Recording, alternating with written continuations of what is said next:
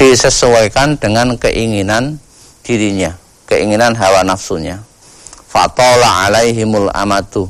Ketika sudah berlalu masa yang panjang, jauh dari kitab, jauh dari ingat kepada Allah yang menyebabkan ini fakosat kulubuhum.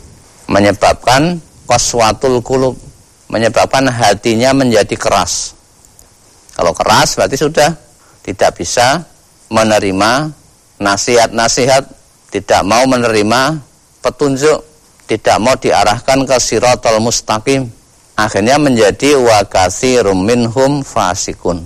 Maka kebanyakan dari mereka orang-orang Yahudi, orang-orang Nasrani setelah berlalu masa yang panjang mereka tidak mengenal isi kitabnya, jauh dari kitabnya, jauh dari mengingat Allah, jauh dari mentadaburi kitabnya, hatinya menjadi keras dan menjadi orang-orang yang fasik. Kemudian kita juga diingatkan oleh Allah di surat Muhammad surat ke-47 ayat 24. Afala yatadabbarunal Qur'ana am ala qulubin aqfaluha. Maka apakah mereka tidak mentadaburi Al-Qur'an? Tidak mempelajari Al-Qur'an dengan seksama dibaca, dipahami maknanya, bagaimana isi kandungannya, kemudian dijadikan sebagai petunjuk dalam kehidupan sehari-hari. Atau kalau tidak demikian, am'ala kulubin akfaluha. Atau kalau itu tidak dilakukan, pengen hatinya terkunci. Hatinya menjadi keras, tidak mau menerima masukan-masukan yang baik. Ini karena orang itu tidak mau mentadaburi Al-Quran. Siapa saja. Apakah tadi dikatakan orang Yahudi atau orang Nasrani atau orang Islam sendiri.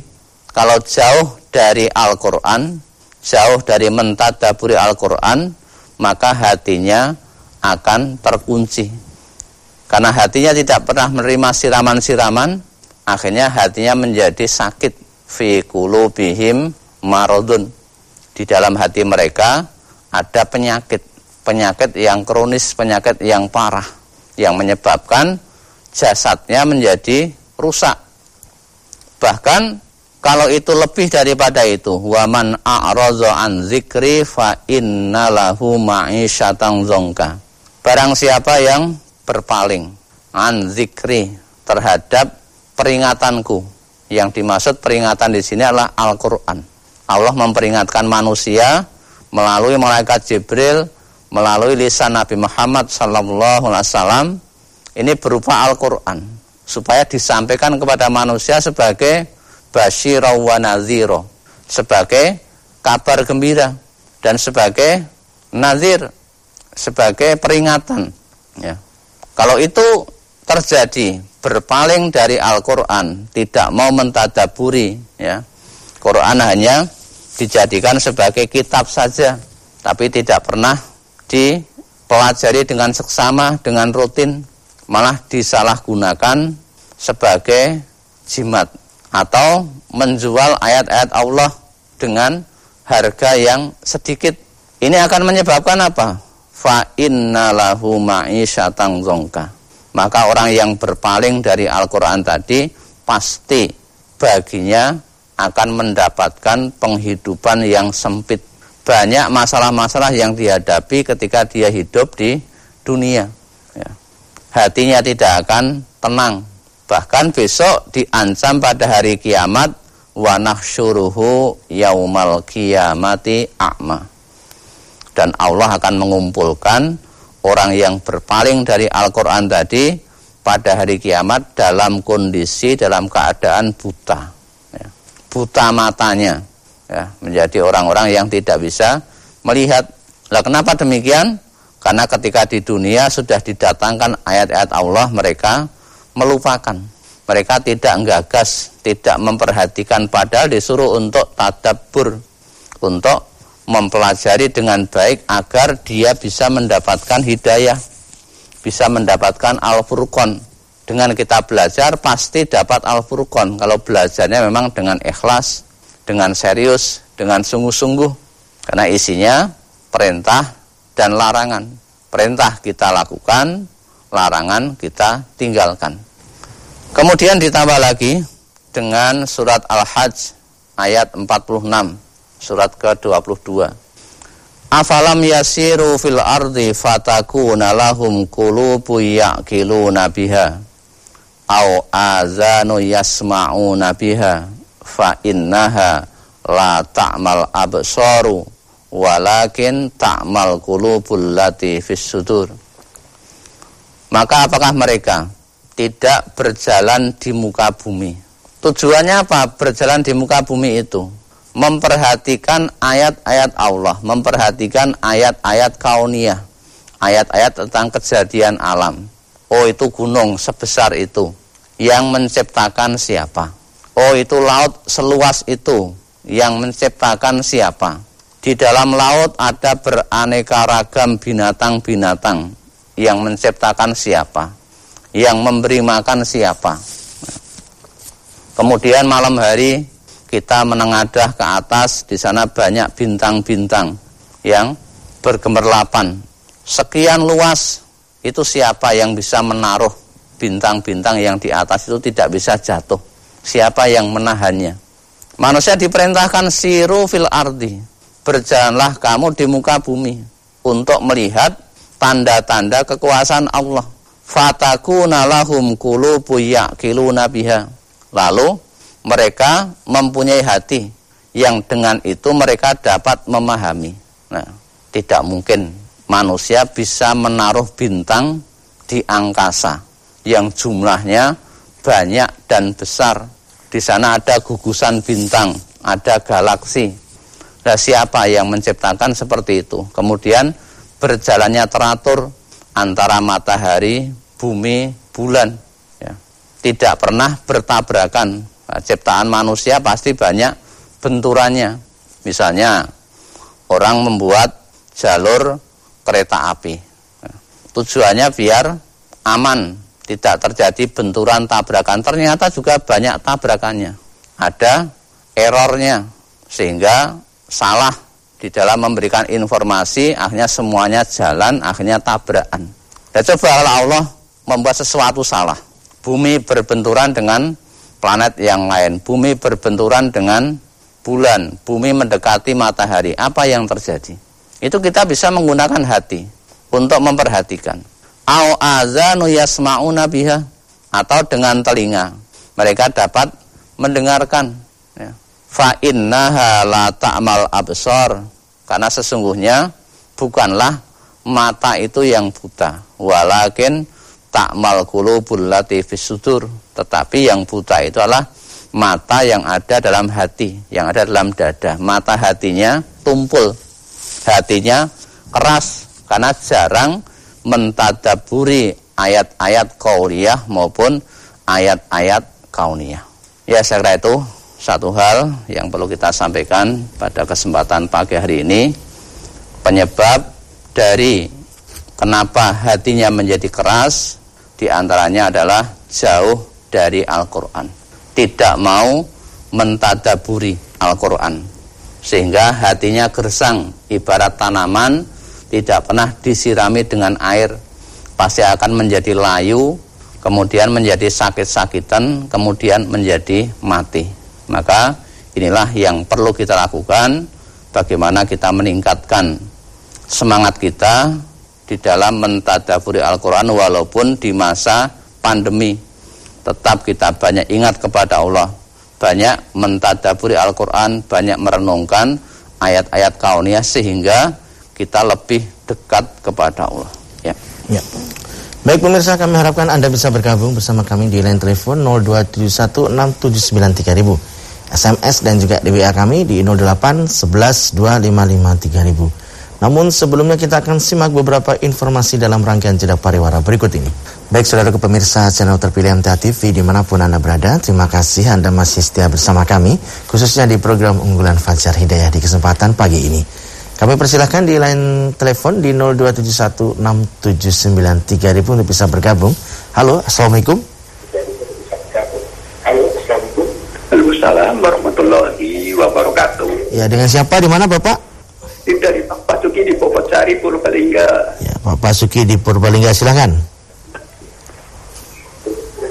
Assalamualaikum warahmatullahi wabarakatuh. Waalaikumsalam warahmatullahi wabarakatuh. Silahkan, Bapak.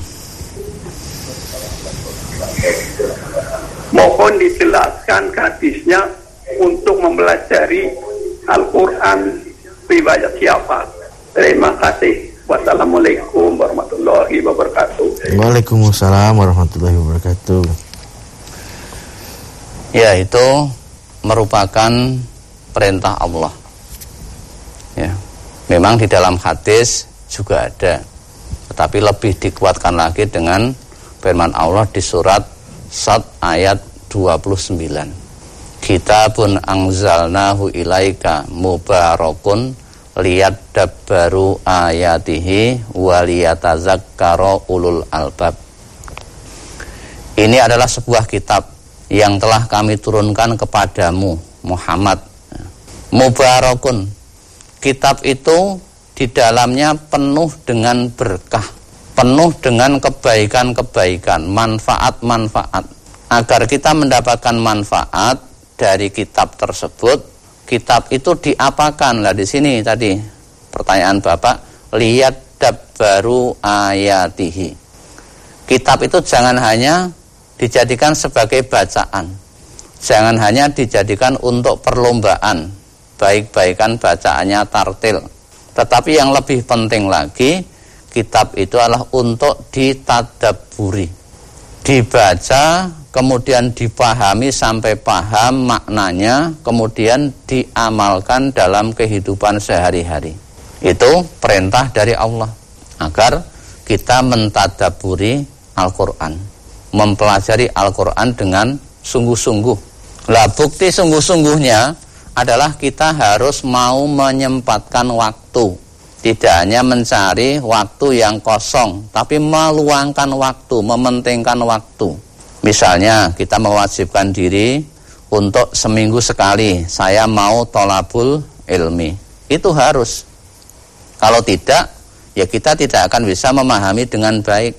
Kalau hanya sekedar sempatnya saja, bukan menyempatkan. Ya, sempat dengan menyempatkan berbeda. Sehingga ada satu bentuk keseriusan. Tujuannya apa?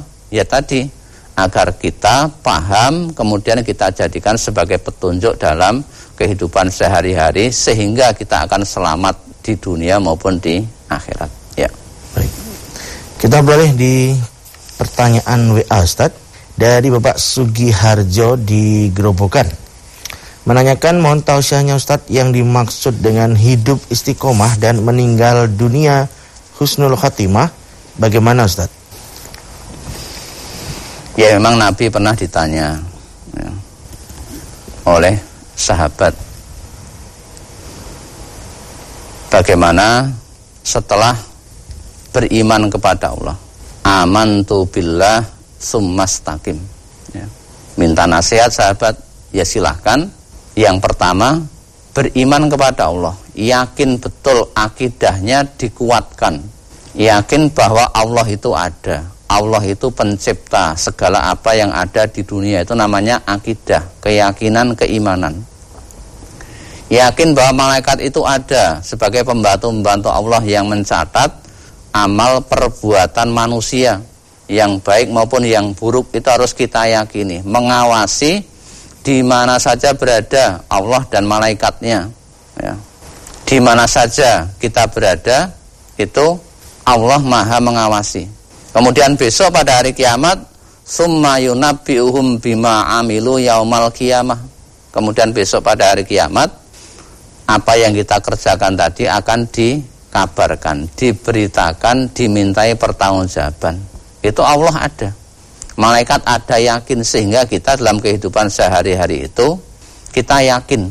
Kemudian beriman kepada kitab, ya, sudah kita jelaskan tadi ditadaburi kepada Rasul. Kita jadikan sebagai contoh suri teladan dalam kehidupan sehari-hari.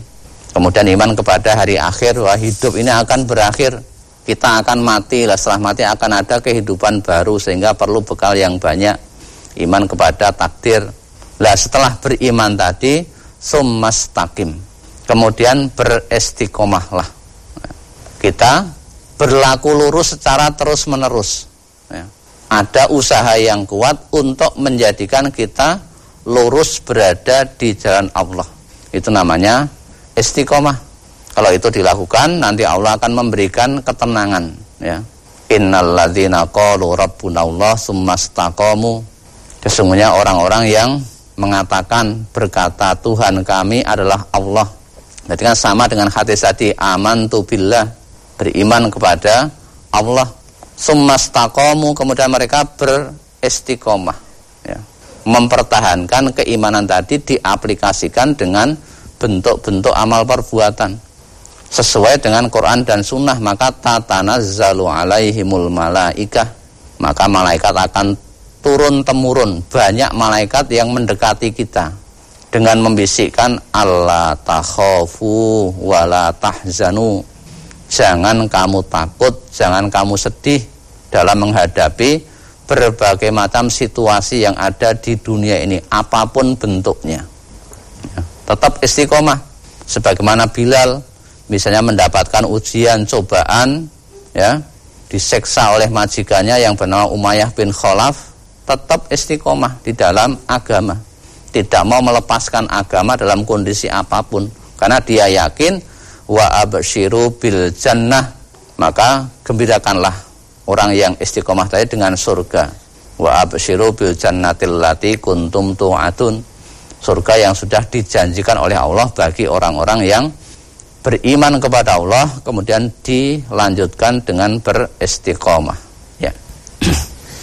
Kembali di line telepon 6793000 kami persilahkan halo assalamualaikum. Halo assalamualaikum halo assalamualaikum. Waalaikumsalam warahmatullahi wabarakatuh Ustaz. Ya dengan siapa di mana ibu? Uh, ini saya dari Ibu Sri di Kalimantan Ustaz. Ya silakan Ibu Sri. Ya assalamualaikum Ustaz. Waalaikumsalam warahmatullahi wabarakatuh. Silahkan Bu Sri apa yang disampaikan?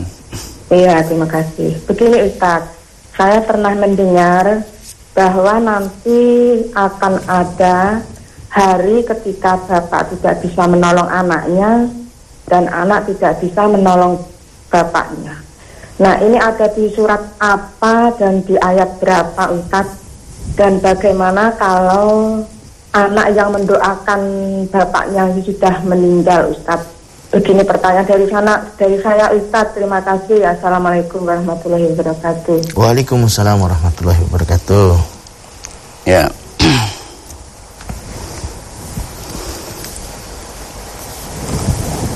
Jadi memang besok di hari akhir di hari kiamat itu yang namanya harta anak-anak itu sudah tidak ada gunanya. Yaumala yanfa'u malun wala banun illa man atallah biqalbin salim. Ya. pada hari ketika hari itu tidak bermanfaat. Malun wala banun harta dan anak-anak. Lah yang berguna apa illa man atallaha biqalbin salim. Kecuali kita menghadap Allah dengan hati yang bersih. Kemudian misalnya nanti bisa ibu lihat tadi di surat Luqman ayat 33 Ya ayuhan nas ittaqu rabbakum wakhshaw yaumal la yajzi walidun an waladihi wala mauludun huwa jazin an walidihi syai'an.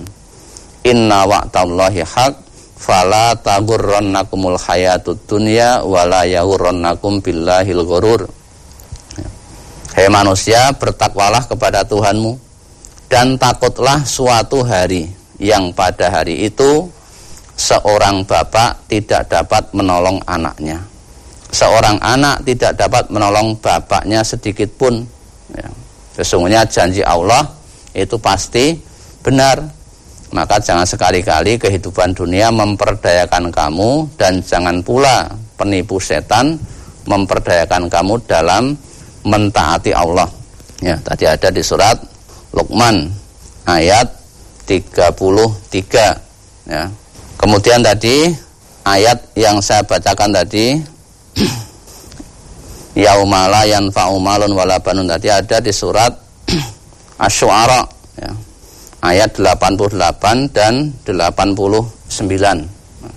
Ini yang menyatakan bahwa besok keluarga kita, anak tidak bisa menolong, bapak, bapak tidak bisa menolong anak, semuanya kita menghadap Allah dengan sendiri-sendiri. Ya tidak ada hubungan nasab lagi. Sehingga ketika di dunia kita tidak boleh menggantungkan kepada orang lain. Wah bapak saya mau balik, bapak saya ahli sholat, ahli zikir, nanti saya dapat uh, namanya apa pahala jariah. Tidak bisa seperti itu. Ya kita masing-masing akan menghadap Allah dengan sendiri-sendiri. Maka kita siapkan bekal dengan sebaik-baiknya. Ya. ya. Pertanyaan berikutnya Ustaz, kita kembali di WA dari Bapak Nyamin di Mojolaban ya.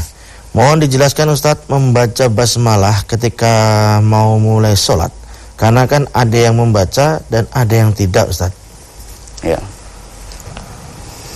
Kita membaca basmalah ya, Kita berarti kita ingat kepada Allah Kita memulai sesuatu yang baik dengan bacaan basmalah Sholat juga termasuk ibadah perbuatan yang baik Nah apa toh arti basmalah itu? Ya. Bismillah dengan menyebut nama Allah.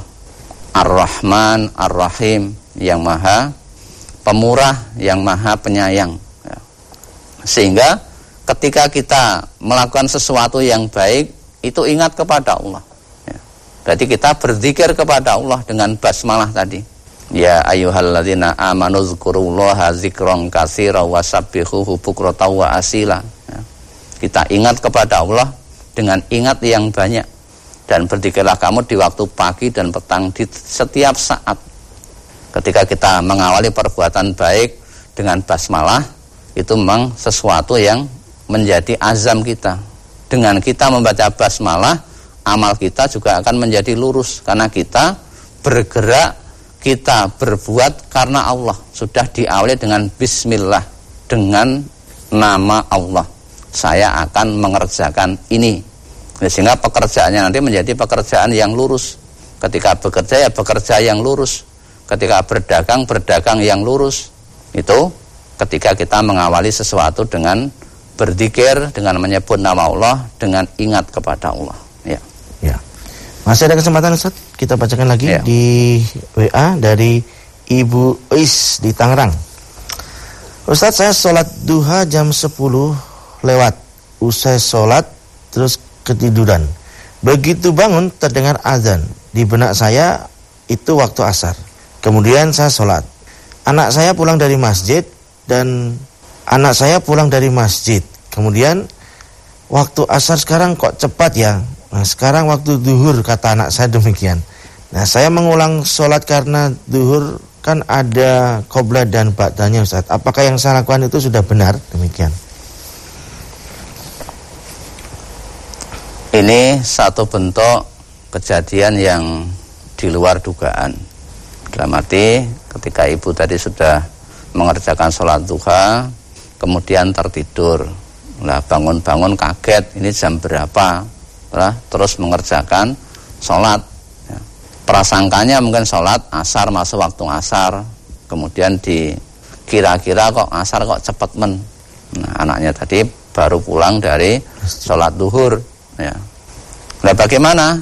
Ya tadi kan sudah mengerjakan sholat pada waktu zuhur apalagi dia sebagai seorang yang mukim ya tidak perlu mengulangi sholat lagi karena sudah mengerjakan sholat zuhur dan nanti saat asar kita mengerjakan sholat asar karena tadi dalam keadaan lupa, dalam keadaan bingung, tapi ketah sudah mengerjakan sholat.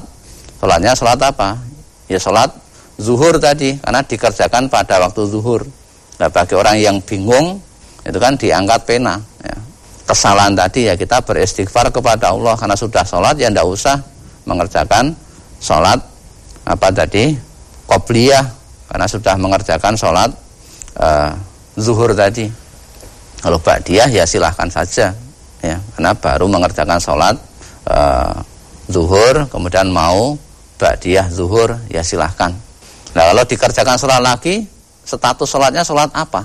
Nah, kalau dikerjakan dua-duanya berarti ya cukup sholat tadi sudah mencukupi karena mungkin bingung lupa yaitu berarti dianggap sebagai sholat zuhur ketika nanti masuk waktu asar nah kita mengerjakan uh, sholat lagi mengerjakan sholat asar Ya.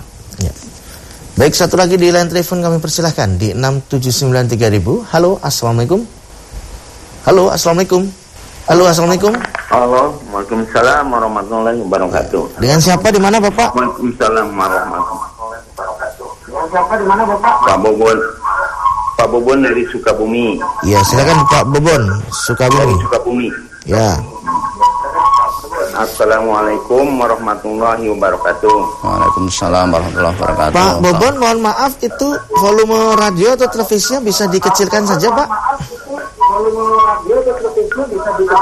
Iya, iya, benar. Ya, Ya, silakan. ini mau tanya ini. Surat Al-Isra, li- surat Al-Isra 59. Ah, ayat genam, ayat 16. Nah, dan mau tanya lagi, bagaimana kalau ngobrolkan dunia di masjid, masalah uang, uang, uang, jumlah uang, jumlah uang, diobrolkan di masjid. Bagaimana hukumnya? Ya. Ah, gitu aja. Assalamualaikum warahmatullahi wabarakatuh. Waalaikumsalam warahmatullahi wabarakatuh. Ya, tadi kaitannya dengan surat Al-Isra ayat 16 tadi. 16, ya. Ya, 16. Memang tidak ada kaitannya. Di surat Al-Isra ayat 16 Allah berfirman, "Iza wa iza aradna an nuhlika qaryatan amarna mutrafiha fa fasaku fiha fa haqqa 'alaihal qawlu fadammarnaha tadmira." Dan jika kami hendak membinasakan suatu negeri, maka kami perintahkan kepada orang-orang yang hidup mewah di negeri itu supaya mentaati Allah tetapi mereka melakukan kedurhakaan dalam negeri itu maka sudah sepantasnya berlaku terhadapnya perkataan atau ketentuan kami kemudian kami hancurkan negeri itu sehancur-hancurnya.